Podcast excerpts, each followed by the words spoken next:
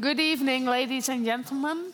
On behalf of Radboud Reflect and uit, uh, uitgeverij Publishing House New Amsterdam, I want to welcome you all to this lecture tonight by Julian Baggini. Uh, my name is Joyce Vermeer. I teach philosophy at the university here. And tonight we're going to listen to a talk by Julian about his new book, How the World Thinks Global History of Philosophy. En in Dutch it's translated as Hoe de wereld denkt. Een mondiale geschiedenis van de filosofie. Uh, you may know Julian from his work on secular, secularism or personal identity. Um, and in this book, um, Julian shows how relevant uh, philosophy is by making use of comparative philosophy. Um, without further ado, Julian, let me welcome you to the stage. And at the end of the night, you'll have the opportunity to ask questions.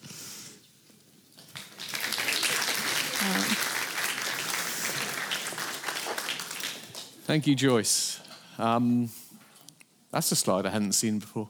I need to check these are my slides. I hope they are. Thank you. oh, here we go. Right, marvelous. Thank you.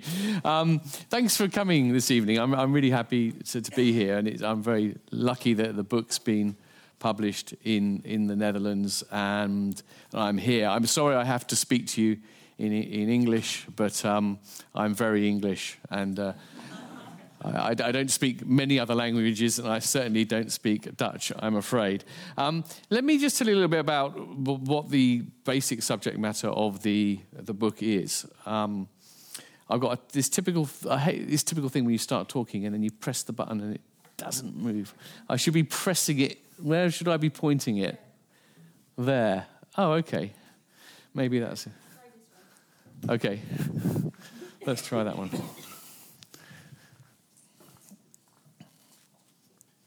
Oh, oh, here we go. Marvelous.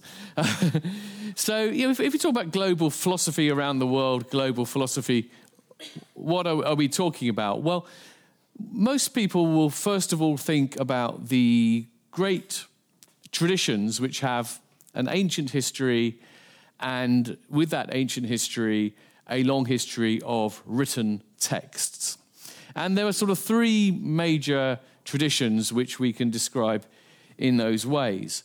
Uh, the one we're most familiar with, probably most of us most familiar with, is the Western tradition, which sort of began in, in Greece with figures like Socrates. There were, of course, people before Socrates, but the real flowering of, of philosophy really began then.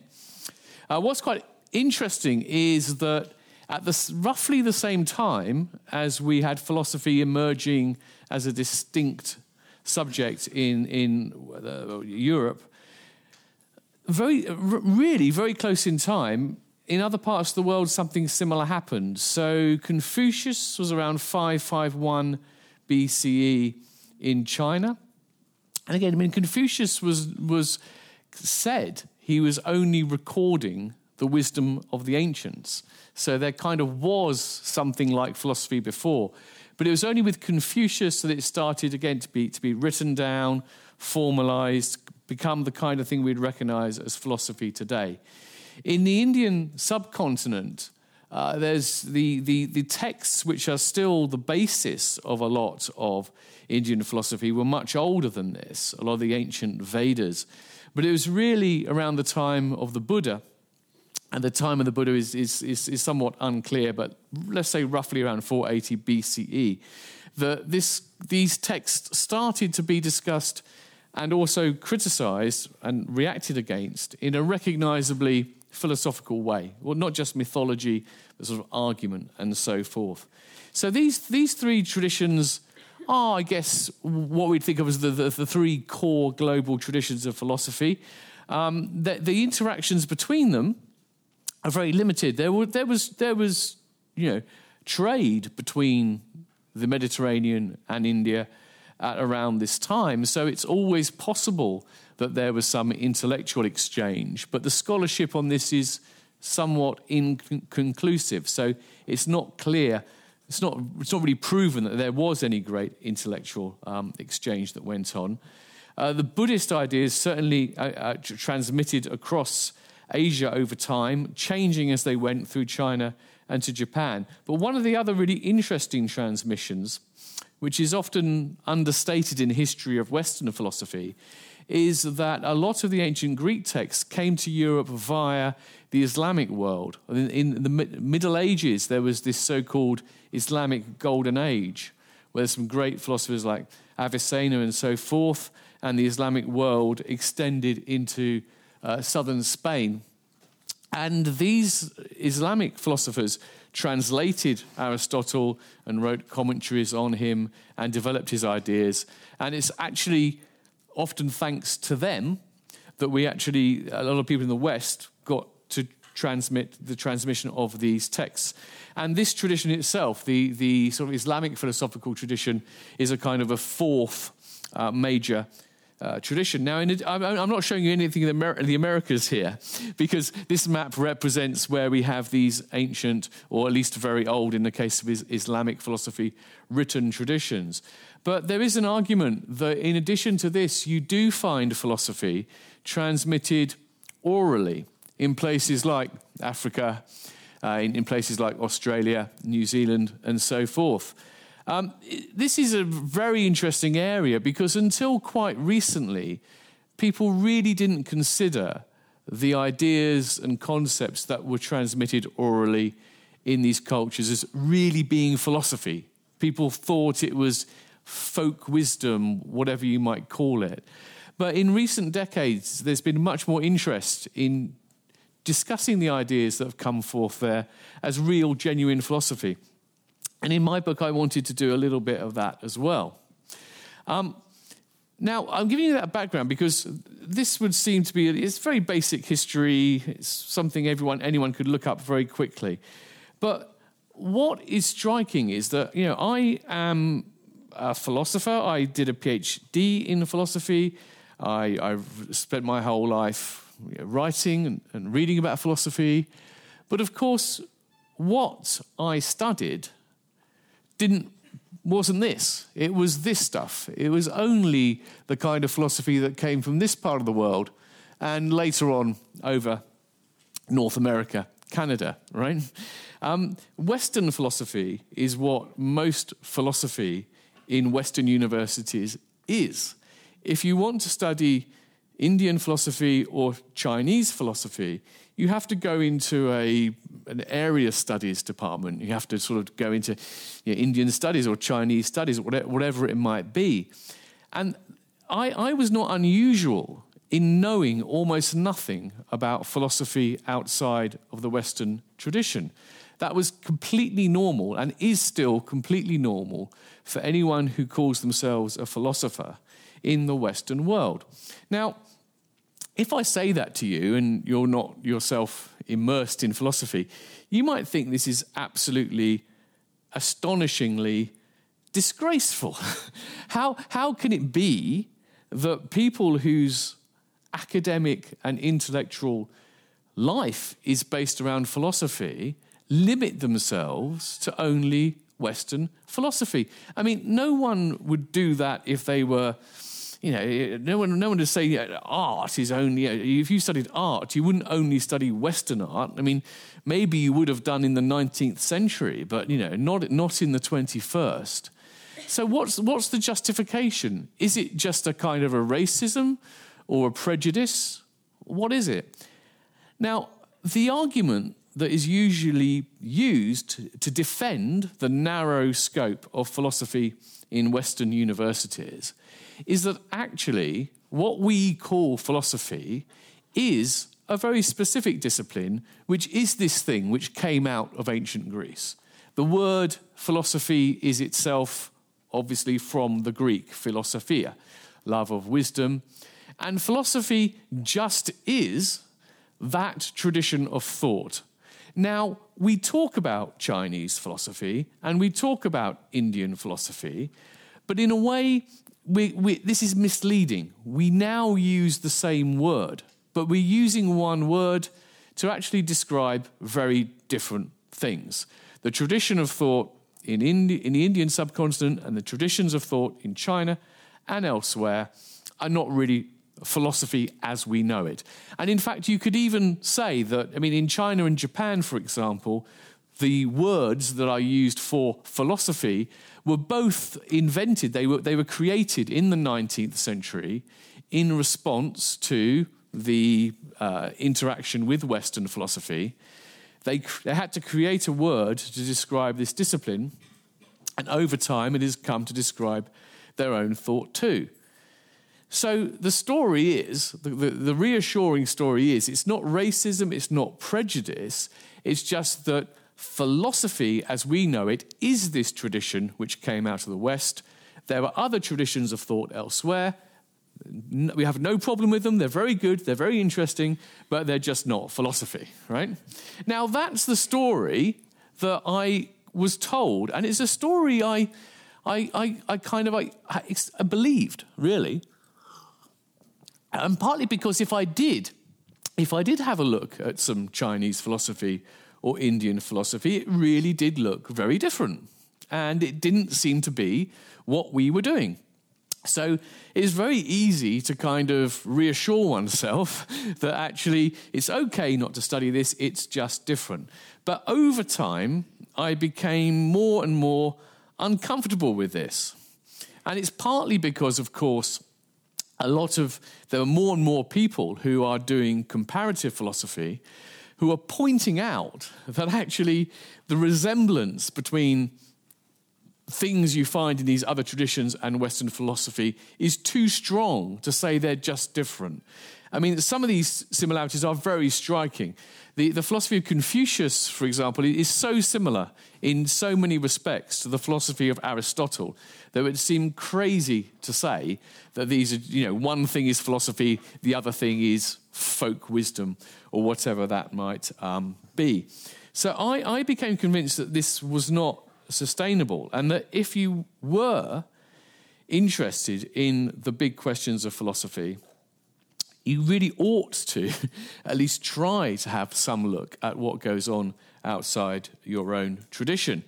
And I actually, I, I, I am a freelance writer. I, I earn my living from writing. And I was very, I decided I needed to find out more about it. And rather conveniently, actually, there just simply wasn't any kind of book of the kind that I wanted to write that people could read if they were interesting too. So I had this nice marriage of what I was interested in doing and a book that perhaps needed to be written, right?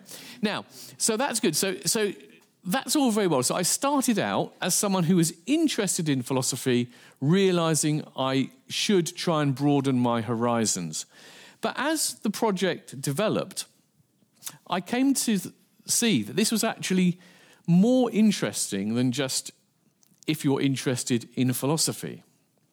I had a question, and the question was Would understanding something of the philosophical tradition of a culture tell you anything about how that culture is today? And it's a question that I put to people because one thing you may already be thinking is how can you write a book about all the philosophy in the world, right? Um, because clearly I'm not 372 years old, um, which is probably the minimum time it would take to become an expert on these things. Um, no, I did it because I, I, I write as a, almost like a journalist, a philosophical journalist. I have my philosophical background. I do also write journalism. And the way to write this book was to actually read the core texts, read the central canonical texts, but also speak to a lot of people who are real experts in the area and try to pull out what was most interesting. So that's how I'm able to write it. I'm not pretending to you that I have become an expert on all the world's philosophies. But when I spoke to these people, these experts, people who worked, uh, usually were working in the region where their philosophy was from, I, I asked them that question Do you think that understanding the philo- philosophical tradition helps you to understand the culture? And they all basically said yes. And as time went by, I could see how that was the case. So in, in this talk, I, I, just want to really give a couple of examples of that, just, just, just two examples of how uh, there are so two very interesting philosophical ideas in non Western traditions, but also how finding out about them shows us something interesting about those cultures today, but then, which, but then also tells us something interesting about the Western culture and tradition as well. Because seeing our own tradition in contrast sheds new light on it.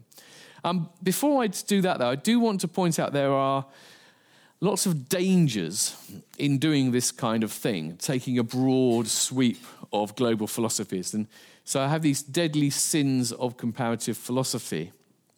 The first is what I'd call domesticating. So this is when you come across an idea or a concept, a way of thinking from another culture, and it's a bit different. And what you, what you end up doing is you just translate it into something familiar and you just make it really just a variation of something in your own tradition, right? That's kind of too easy, it's too simple, it's not as straightforward as that. But then there's an, there's an opposite mistake, which is exoticizing. It's where you kind of imagine that the ways of thinking outside of, of Europe are so radically different that you end up imagining that, you know, other parts of the world are almost like alien species, you know. And this is something that people often do in a way that they, they, they think is a positive. I, I, a lot of people, I don't know whether it's the same in the Netherlands, but, but there's a kind of a cliche that people say, the Indians are such spiritual people, right? Yeah.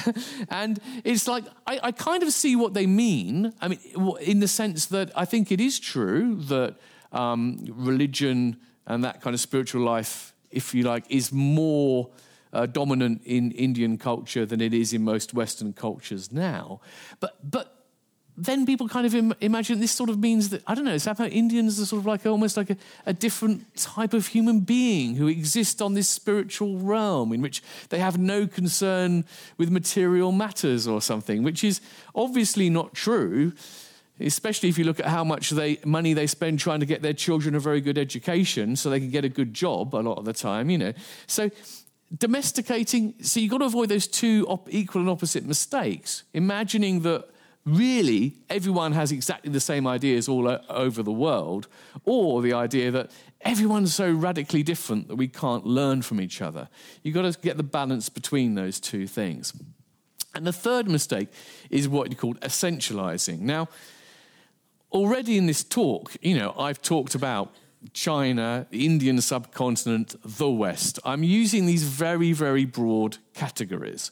And obviously, you know, if you think about it for one second, we realize there's something potentially very wrong about that.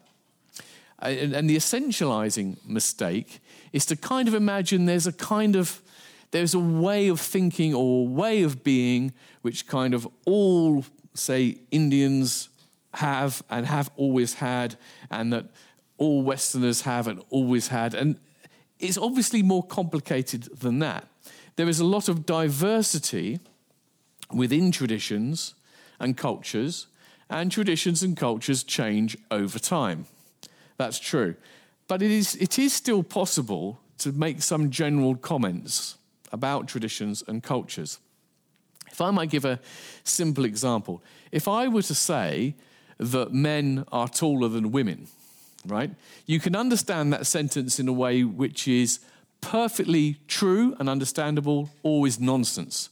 If you think I mean that all men are taller than all women, that's obviously false. It's crazy, right? But we know the statement is about averages, it's about tendencies. And that's kind of the same way you've got to think about when, when I, in this talk, when I talk about Indian philosophy, Chinese philosophy. I'm never saying something which is true of all Chinese philosophers, all Indian philosophers, or of the cultures. We're talking about things which are more dominant, more common, because there are, I think, real differences between cultures, but those differences are matters of what has most emphasis, if you like. One of the most useful sentences that I read when researching this book was by uh, Tom Kasulis, who is a comparative philosopher who works on Japanese philosophy. And he says, what you've got, I'm paraphrasing, but what he essentially says is that when you look at different traditions of thought, you should never make the mistake of thinking, you know, it's either or and black and white. It's rather the case that what is in the background in one culture is in the foreground in another, and vice versa, right? So it is true, and I, am convinced of this, that different things are foregrounded and emphasized in different traditions of thought and in different cultures. And that's one of the reasons why it's so interesting to pay attention to them. Because some, what you're really noticing is not just something which is interesting about another culture, but you're often noticing something which is in the background of your own, which perhaps we should pay more attention to. So I say I want to just give just two two examples.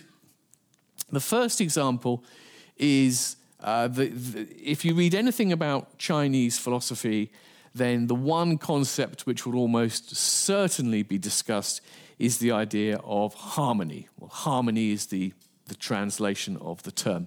Um, it turns up everywhere. This is actually an international school in Beijing which has Find Your Harmony as its slogan. Um, before I went, I, did, I was lucky to do some traveling for the book, and I did go briefly to China and I'd read about the importance of harmony and how central it was, not just in Chinese philosophy, but also in Chinese culture. And I was a, I was a little bit skeptical. I thought, you know, really, this is, this is something you get in Confucius a lot and the Confucian thinkers. Was it really important in society? And actually, even just a short visit, you could see that it was. I mean, in conversation, people would spontaneously use the word to, to talk about desirable states of affairs. Uh, English language newspapers, it was always being used uh, in, in government uh, announcements and also in commentaries. Now, what, what is harmony? Um, it's the English word. But what does it mean? In history, by the way, this is, this is the Temple of Confucius. This is uh, in, in Qufu. And these are the, this is a gate of harmony. There. And if you go to the Forbidden City in Beijing, there's a hall of supreme harmony, there's a hall of central harmony, the hall of preserving harmony. It really is everywhere. But what, what does it mean, harmony? Now, you might be suspicious. You might think that what we know what we know, what we think we know about Chinese culture, not just now, but historically, is first of all that it's very hierarchical. You know, Confucian thought is hierarchical. And uh, in, in the current system is somewhat authoritarian. It's a central government. So harmony, you might think, is actually sounds like a very nice word, but what it actually means is conformity. Because again, this is a very typical image I think Westerners have of not just Chinese society, but a lot of East Asian societies. They're basically about conformism and uniformity and obeying superiors, right? That's a simple way of looking at it. So you might think that's what harmony is, isn't, doesn't sound very good to me. But if you actually look in the, in the Confucian texts, which, by the way, people are very familiar with. In the same kind of way that people know Bible stories, even if they're not Christians in a lot of Western countries, people know a lot of the key Confucian texts. And that's despite many years of them being suppressed by the communist um, government. In the Confucian text, they explain that harmony is not meant to be about uniformity at all the way in which harmony is explained is by analogy, and one of the analogies they have is soup. so think what makes for a good soup? Well, not uniformity. If you just have soup which is like cabbage and nothing else and water, um, maybe you do have that here actually. No, I shouldn't be. I shouldn't be rude about Dutch food. I'm from England, okay?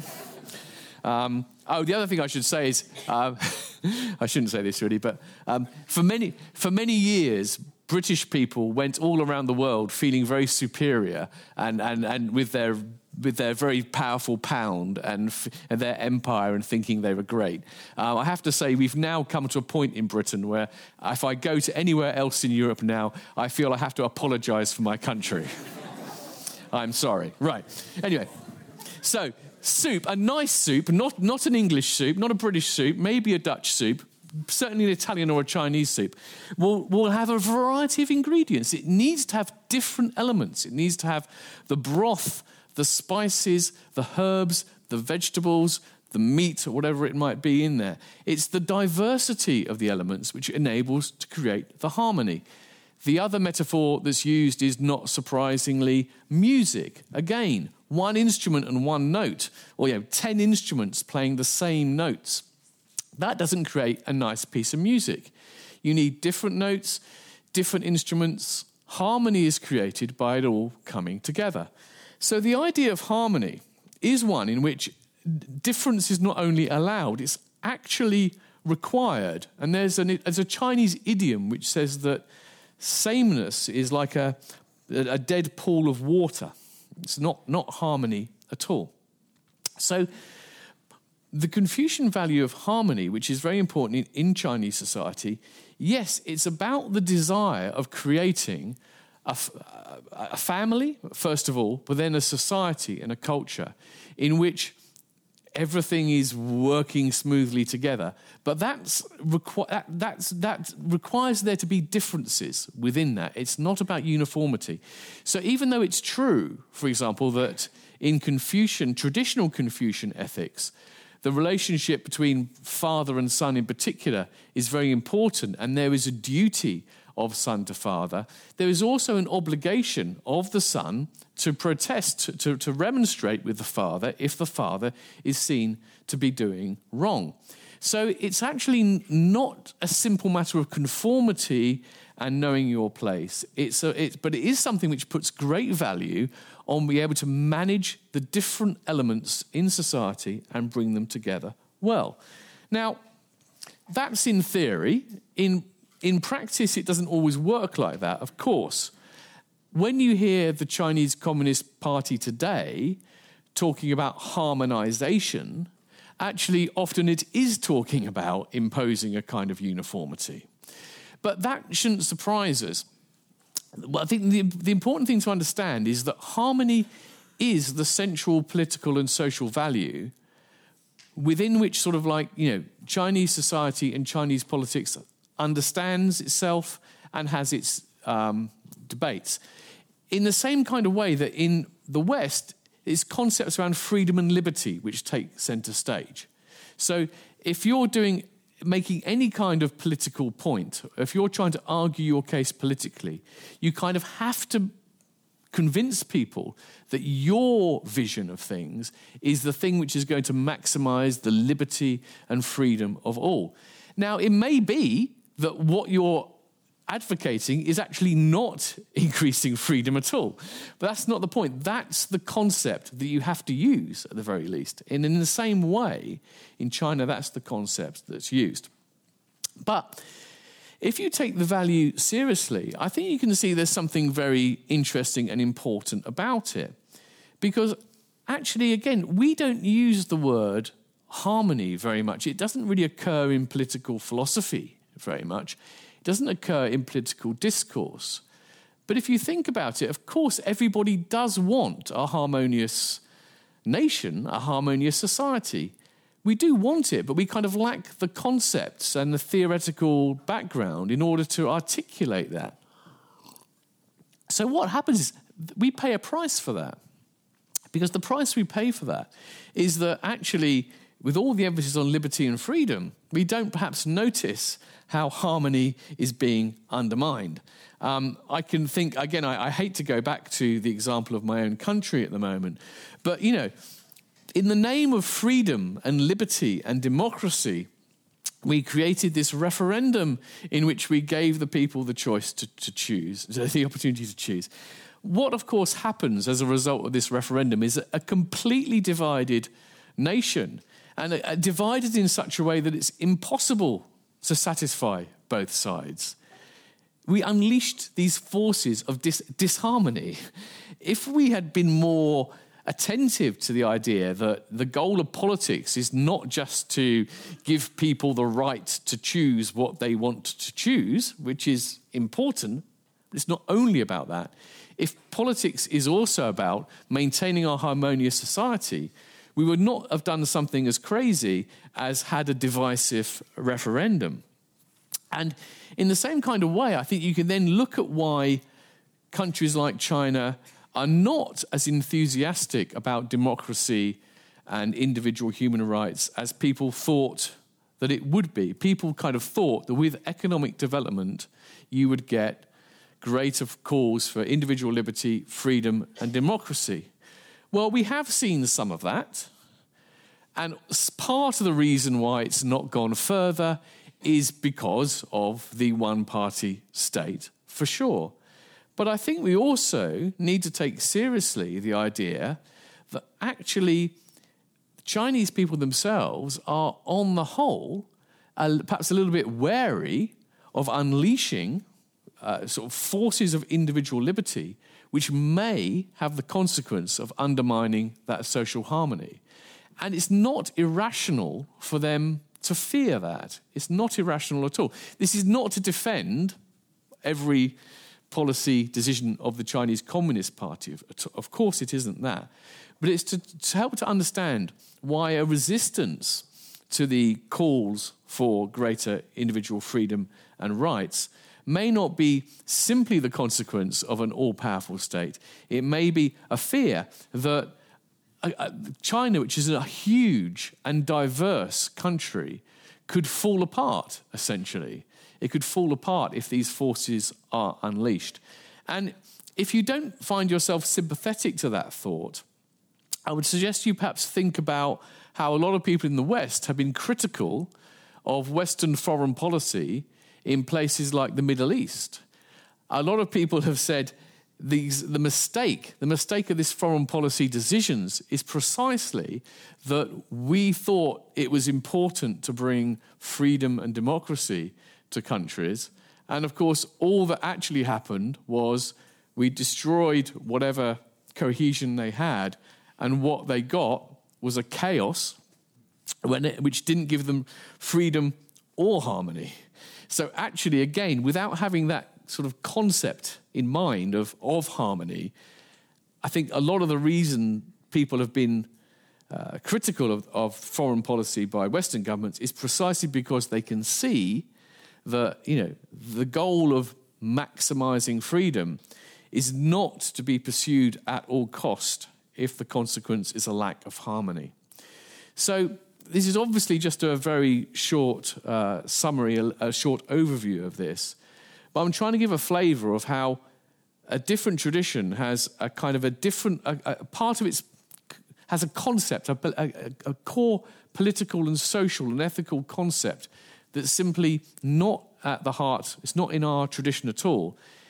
It not only helps to understand a little bit about how that culture works, it also shines a light on our own culture and perhaps makes us think about what might be lacking a bit. I'm going to give just one other example very briefly. And this concerns actually you know, what it means to be an individual. And this is a very interesting one because here is something where actually you learn as much by studying the culture as you do by studying the philosophical texts.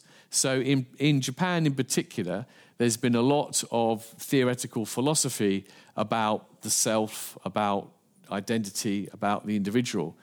But actually, a lot of that is, in a way, as much describing the way in which the self functions in these societies as it is creating new theories.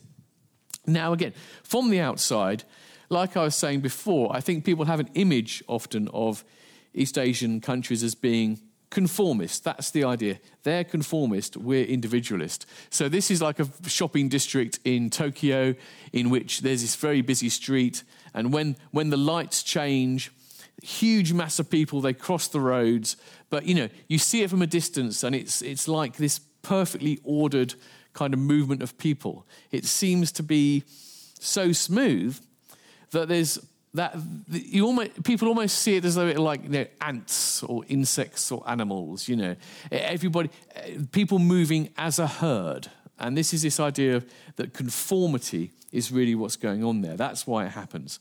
Now, it is obviously more complicated than that.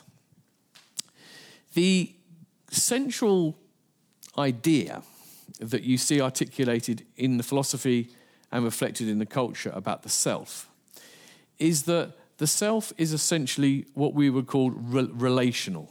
Okay, so the contrast. Let's contrast it with the dominant Western idea of the self. I think it's fair to say that the dominant Western idea of the self is what we might call atomistic. In other words, uh, we are all here a collection of individuals, and what's primary is the individual, right? You are, as you know, Descartes, you know, the cogito ergo sum, I think, therefore I am. Each individual is defined primarily by their own subjective consciousness and their own experience. And these little atoms, these little selves, can come together and they can relate and they can organize. But what's primary is the individual. Now, in East Asian culture, I don't think it's quite the same. It's not, of course, of course, people recognize that individuals are separate from one another. But what's at the foreground, at least traditionally, it may be changing a bit, traditionally, what's at the foreground is always how you are in relation to others, right? Now, I really, I, I'd been talking to philosophers about this, I'd been reading about it, and what really made me get it was when I was leaving Japan. I, I, I was leaving Japan and I was on a plane, a lot of Japanese people in the plane, and I noticed that they were all well, all, almost all were watching the same film.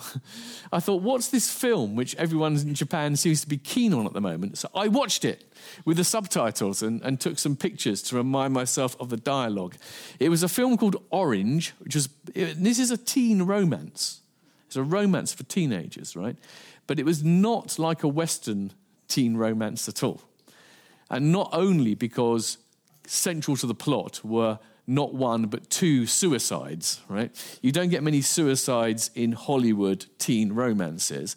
Um, but what was really interesting was it was, it was a very complicated plot. I can't go into details. It has time travel and everything.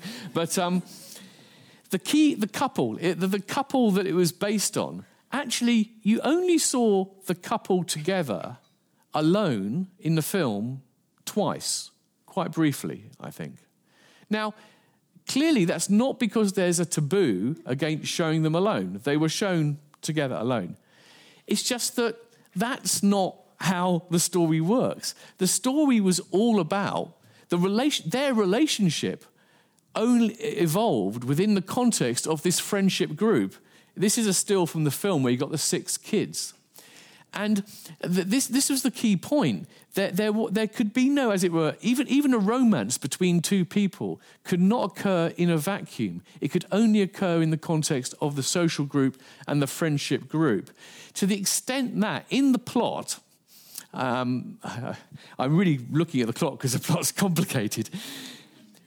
What happens is the boy kills himself. He's new to the school. He kills himself after his mother has killed himself. And the children grow up, and the girl marries one of the, one of the boys, and they have a child. And they're very happy. They're happy, right? But they discover a way of sending a message back in time to open up an alternative future in which something else might happen.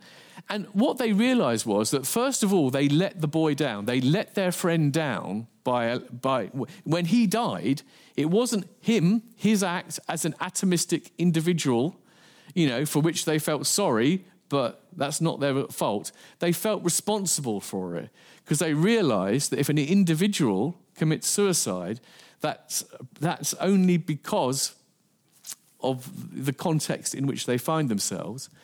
And they also realized that really the right, the best match would have been him and the girl.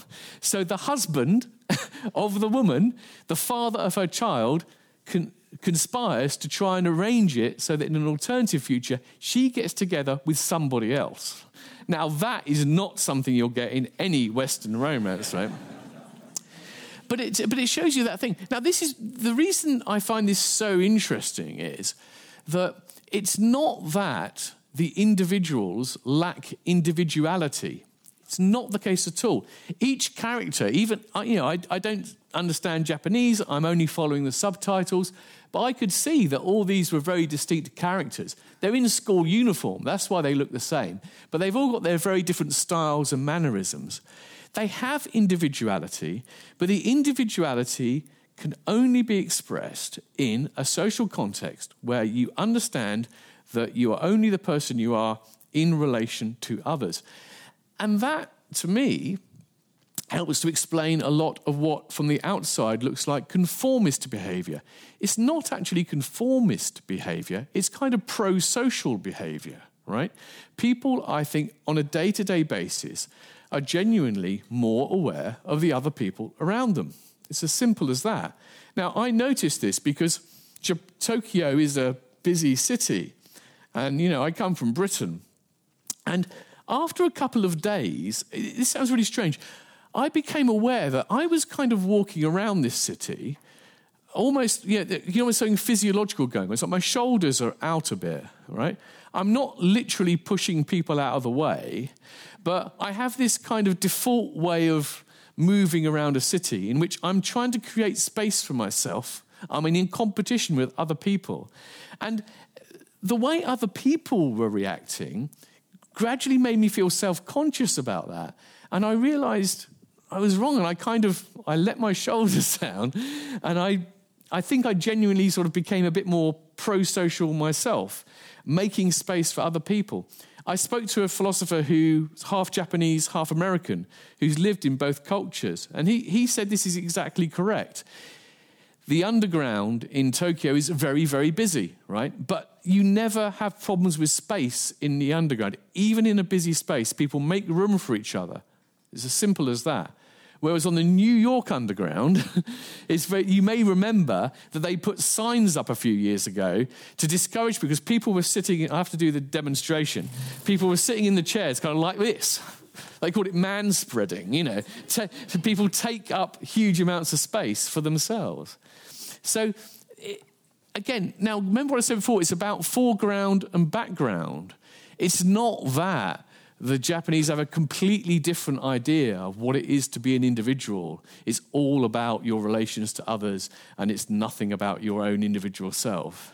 It's not that. But there is an important, a really important difference in emphasis. And I think this is important.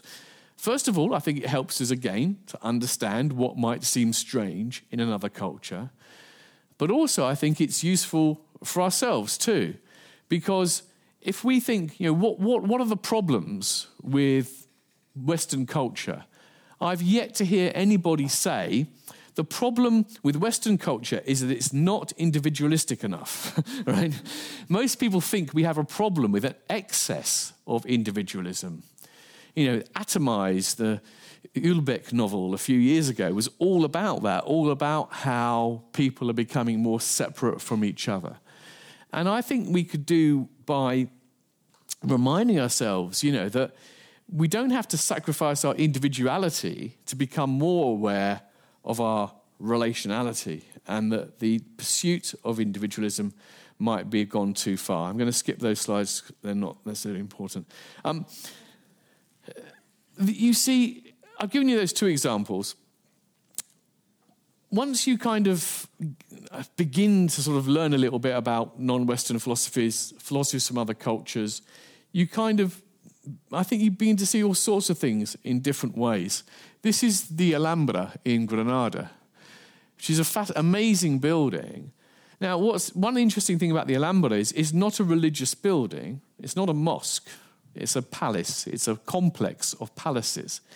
But then actually you say, I say it's not a religious building. There are inscriptions from the Quran everywhere. So, and then look at this amazing architecture. What's going on? Well, actually, you know, the architecture, the decoration, it's reflecting and expressing ideas which you see articulated in the philosophy of the Islamic world, but they're also ideas which are embedded in the culture. There are ideas in which there actually is no separation of secular and sacred. You know, the whole idea that you, is it a religious building, is it a secular building? It doesn't really apply because the sacred is everywhere. And also, this decoration is actually almost designed to give you that sense of awe and wonder that God, the divine, has a unity and a perfection, but it's a unity and perfection which is beyond our comprehension. You look up to the top of the building there, and you can see it's wonderful. You can see it all fits together, but you can't take it all in in one look. There's kind of there's philosophy and theology even in the architecture. And this is a, this is just a sign where it had harmony for a housing development in in Qufu, just to show how dominant harmony was. Um, this is one of my favorite ones, the Japanese underground, just to reinforce that point about the pro socialness about it. Any masterpiece just becomes noise disturbance when emanating from earphones. I think this is a wonderful sign, but what you'll notice is the sign doesn't tell you to do anything. It doesn't say keep your music quiet, right? It's just reminding you that if your music comes out of your earphones, you are disturbing another person. And I have to say that I, I didn't have that problem once in Japan. It, it drives me crazy in Britain. It really does. Um, and the final one, which is actually my favorite, I haven't got time to go into this, but this is to do with. Um, this is apparently, maybe someone here can prove this, but this is apparently an accurate translation. It's not one of those strange translations. It's the loving service area. And what I like about this is, first of all, again, our, our stereotype of Confucian ethics is filial duty, obedience to your parents. And I think this is a nice corrective. It's actually about the idea that it's also about family love. There is that dimension there. But also, you think, we don't call it that, we, we laugh. We say, this is funny, loving service area. So what do we call it? We call it the, well, I don't know what you call it in Dutch, but we, we call it the baby changing area. Now, if you think about that, if you think, actually, do you know what? We describe a lot of things in very, very functional terms, right? Our mindset has become kind of mechanical, scientific, functional, yeah? That's, that's interesting. That's worth thinking about, I reckon. Okay, just to conclude then, why, why, why take an interest in uh, philosophy from other cultures? Well, three reasons. First of all, there is this wonderful story of the blind man and the elephant, which is actually originated in Buddhism, but it was really taken on by the Jains in India. The story is there's an elephant and uh, the blind men are led out to describe this elephant for the benefit of the king. And one feels the tusk and says, This animal is a cold, hard animal. One feels the tail and says, This is a soft and furry animal. Now, I don't have to complete the story, right? Because when you start to tell the story, you immediately know the point of the story. In order to really understand what an elephant is, you need to combine these different perspectives. In the same way, I think that what we get in different parts of the world and at different parts of history are different angles on the human experience. And actually, we build a greater, more complete understanding of the world by trying to take in as many of those perspectives as possible, putting them together like a, a cubist uh, picture. Second thing which is useful is that actually what we f- we often find that where we think there is a concept, there are actually several. So it's a way of like making showing how things are more complicated than we might think. So we think, for example, that the concept of the self, the concept of the self is a concept about what makes the individual the individual. There's another idea of the self, which is what makes the, the individual from a relational point of view. Uh, there are things about free will, for example, as well. We think there's a question of do we have free will? And when you look at other cultures, you find that actually there are different concepts of free will. It's not like do we have this one thing? So it, it sort of helps you to kind of understand that where you thought there was only one thing, there are many things. And the third thing, perhaps most importantly, this picture is a rather desperate metaphor. We've got different, different railway lines, we've got different roads, we've also got birds. This is meant to represent different ways through life. I don't I'm not a relativist, right? I don't think that anything goes. I don't think that if we were to find a society today which practiced slavery, we'd think, oh, that's interesting. Slavery is okay because, you know, it's not like that. But I think it is true that there's more than one way to lead a good life. There are ways of living a bad life, but there's more than one way to live a good life. And there's more than one good way to organize a society. And different philosophies have articulated different visions of what it means to have a good life and to organize a good society. And by paying some attention to them, we might be able to open up our ways of thinking about that, which might help us to think a bit better. At that point, I think I will stop. Thank you.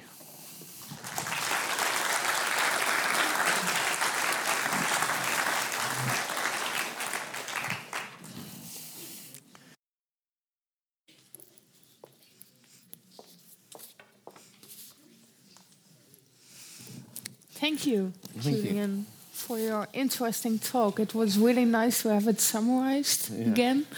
Um, it took me quite a few months to read your book.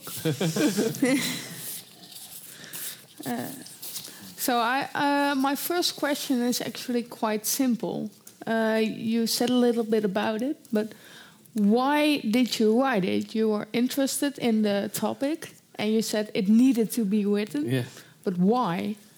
Well, to be honest with you, I think my fundamental motivation is nothing more than interest, right? And I would, def- I would defend that. I think that particularly now, again, I don't know what the situation is like in the Netherlands, but you know, education now is so much presented as you know a preparation for employment to make you contribute to the economy uh, efficiently and to increase GDP. And um, this is kind of true in general. A more educated society does all these things. But you know, I, I, I have this what now might seem a romantic view that there is a value in uh, intellectual pursuit for its own sake. And so, therefore, if something's really interesting, I want to find out about it. But I do have to earn a living as well. And yes. I earn a living as a writer. So there are lots of things that I find interesting that I can't pursue. I, yeah, I have, a, I have a big file of things that maybe, maybe one day I'll do them. You know, maybe one day I'll do them. But this one, the, when I started thinking about it, I thought, you know, this is actually um, important. Now, I don't like using the word important for things that I do because it seems self important. I'm not saying that my book is important, but it is important that people think about this, particularly at this time. And again, this, this, is, this is after the event. At the time, I wasn't thinking about this, I was thinking about it just being interesting.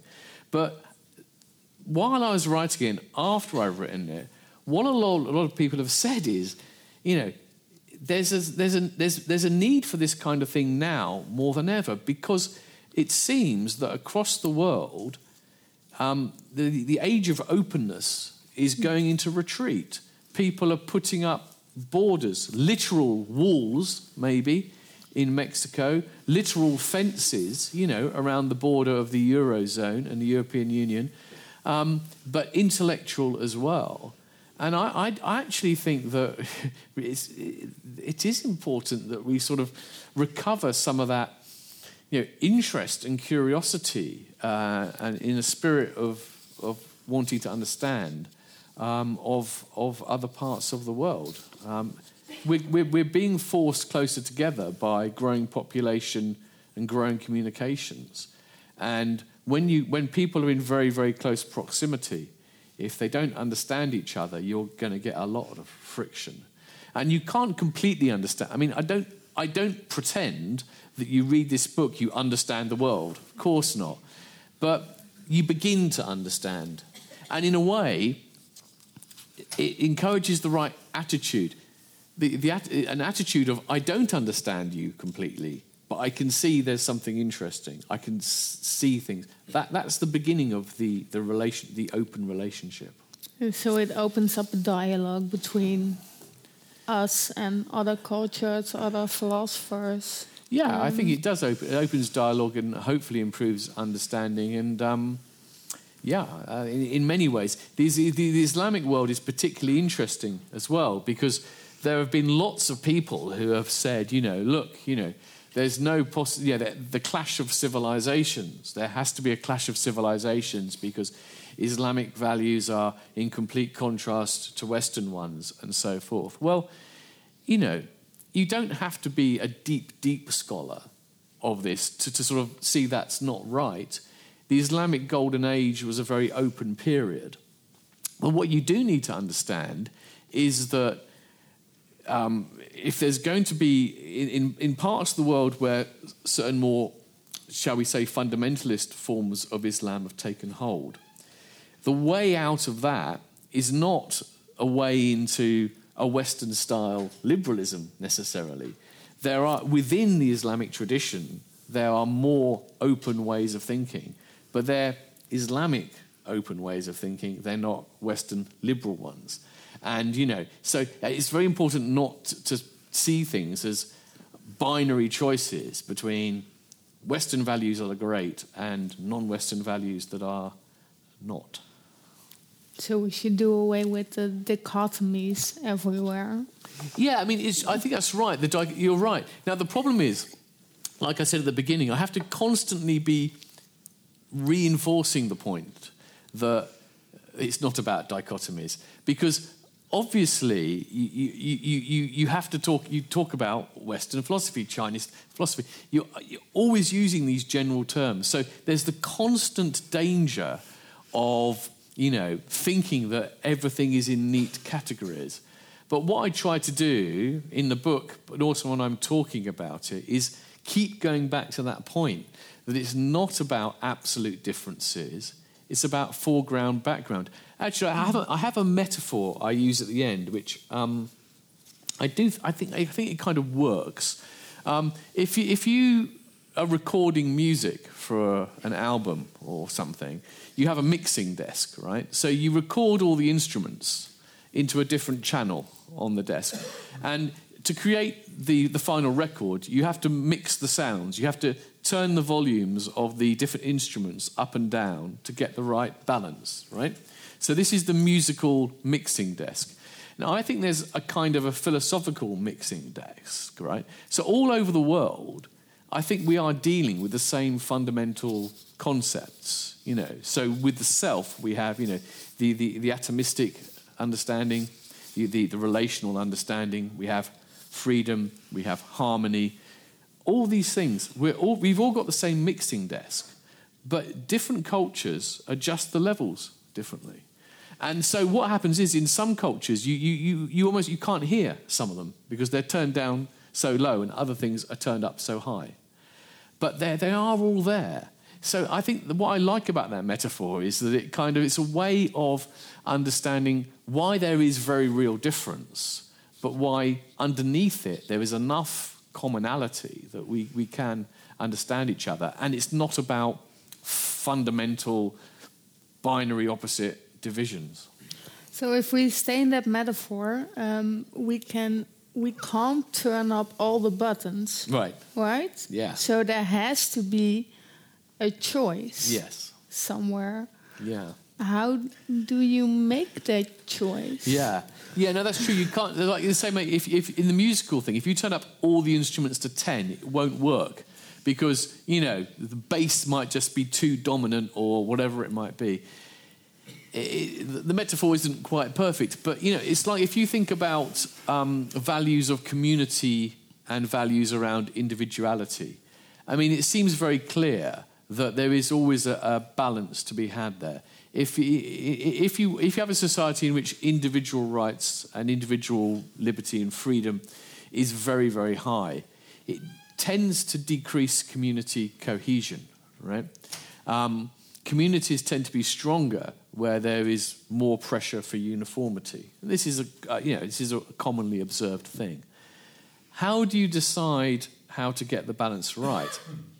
I, I'm a bit of a, I'm, I'm, I'm a skeptic about, um, how can I say, abstract universal theories.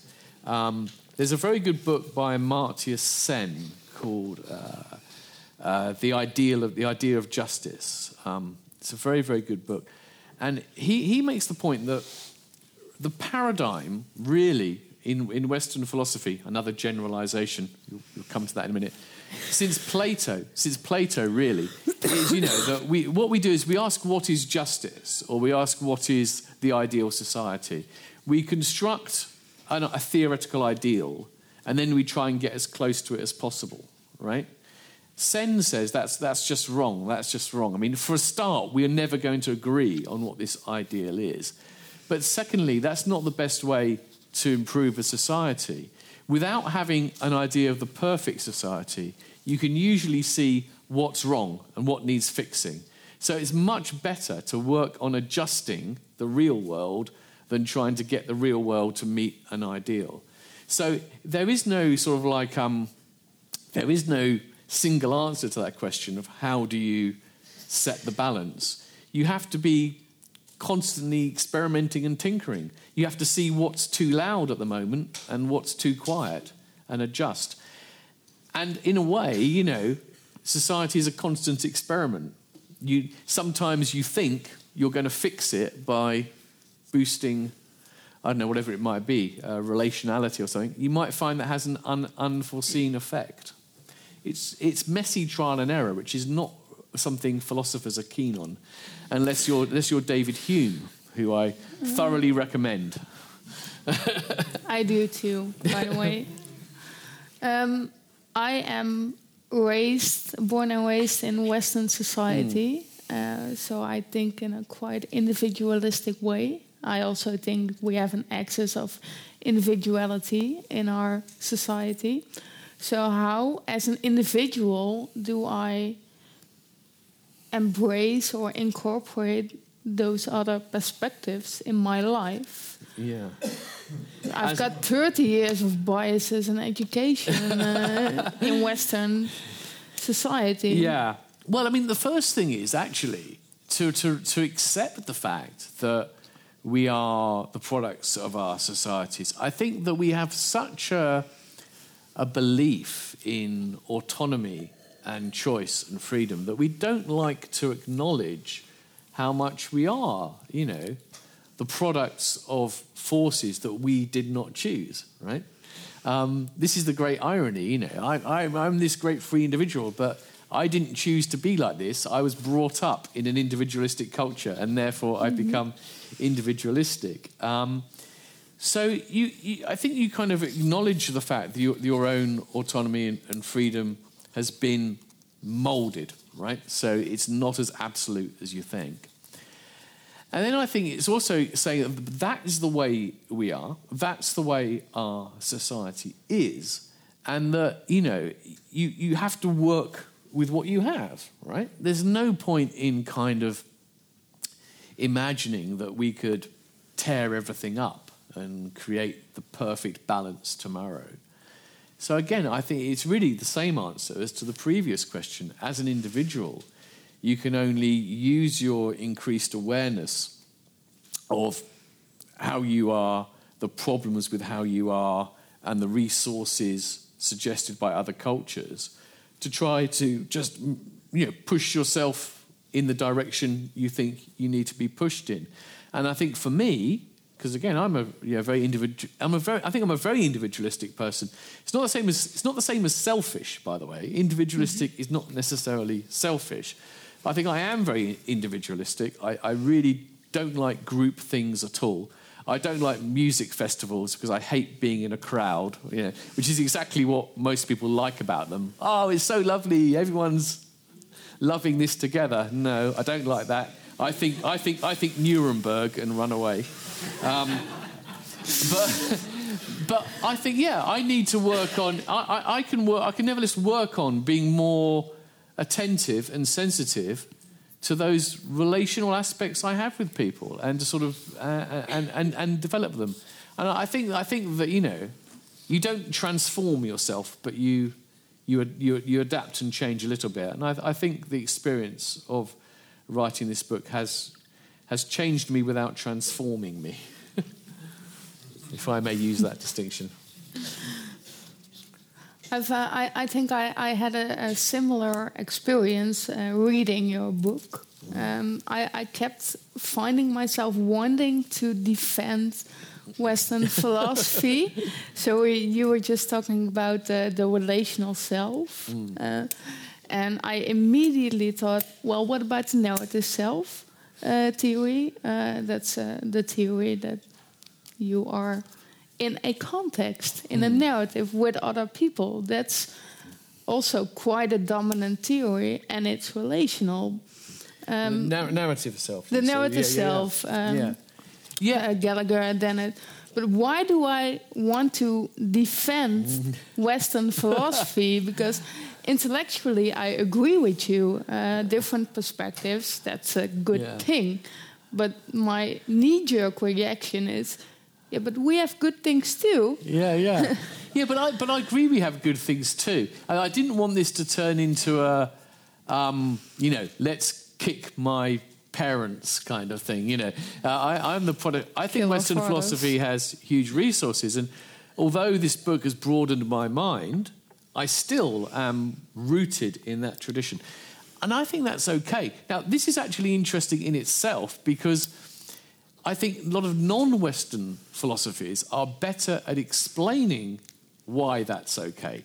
Because actually, the, the self image of Western philosophy is it's not about a tradition at all. It's not about belonging to a tradition. It's about following the argument where it leads. It's about using reason. And so we kind of imagine that when we do philosophy, we're not doing something which belongs in a particular a culture and has a particular tradition. I think in, in other philosophies, there's more of an acknowledgement that this is a tradition of thought and that if you are brought up in it, you have a certain affinity with it, you have a certain almost loyalty to it, if you like, which is, you know, it's not objective. It, it's, it's part of where you're from.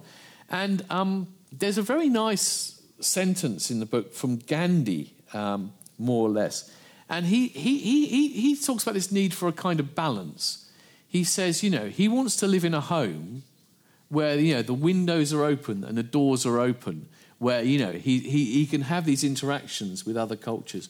But he doesn't want to be in a situation whereby, you know, things are so open that his own tradition is, is blown away. And I think that's, that's the important balance to sort of to gain, that we, we, we, we acknowledge we are the products of our traditions. It's perfectly okay and good to feel a certain loyalty, but that loyalty shouldn't be a blind loyalty. It shouldn't be a loyalty which closes your minds to other people. It's a bit like the difference between benign patriotism and malign nationalism. Uh, know, the right kind of patriotism is I'm from this country or I have become a, a member of this country, you know, um, and I feel a belonging to it. I feel a special attachment. I feel a special affection. I'm going to feel more pleased when the Netherlands beats England in the World Cup at football than I am when, you know, uh, Wales beats Hungary or something. But that doesn't mean I, I, I, I think my country is right always. I've got nothing to learn from other cultures, and I'm not going to respect other cultures, you know.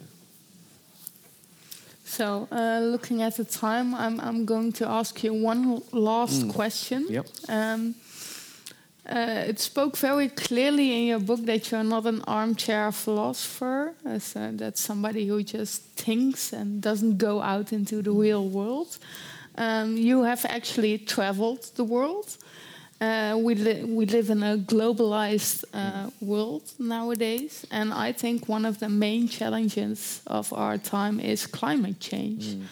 Um, so, for somebody who doesn't want to fly, yeah. for example, yeah. uh, doesn't really have time to travel the world by other means because it takes more mm. time. Um, what should we do when we don't have the opportunity or we choose not to take the opportunity to visit other cultures? Yeah, yeah.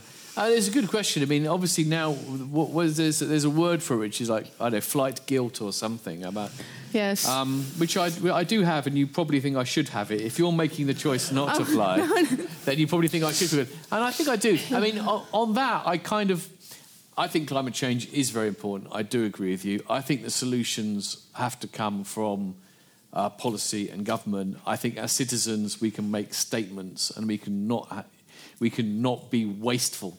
Um, I have taken a decision to, to fly, and you may, I might be criticised for that. I understand that. it wasn't meant as an No, insult. no, no. no. But it eh? would, be, it would be fair if it was. It'd be fair that it was. But I think, I think that you know the, the point about travel is that the people say tr- travel broadens the mind. Um, it doesn't always. There are people who travel and come back with their prejudices completely confirmed. But there are also people who never travel and they, they understand better.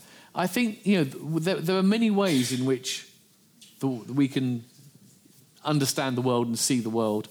Uh, the world comes to us through through the internet, through television, through film, through culture, through literature. I think that if you're if you're genuinely curious and open-minded, I think that I think there will come a time where the kind of traveling I've done will become prohibitively expensive for good reasons. It should be expensive. It should be more difficult to do. Um, but I would hope that then what would happen is that's not going to cut off communication around the world at all. Um, and maybe actually it will make us more attentive because when we do travel, it will be rarer, it will be slower, probably, and maybe we'll, we'll pay a bit more attention and appreciate it more and not just rush in, take our pictures, um, and go home and say, tick. we saw that big thing. Yes. Thank you. I want to thank you all for coming, for asking interesting questions. Of course, Julian, I want to thank you for your lecture and all the answers you so kindly provided for us. Uh, I'm told there will be books upstairs, and if you ask nicely, I think Julian will uh, sign them. So, again, on behalf of Radboud Reflect and uh, New Amsterdam, uh, thank you. And Thank you. have a good night. Thanks a lot.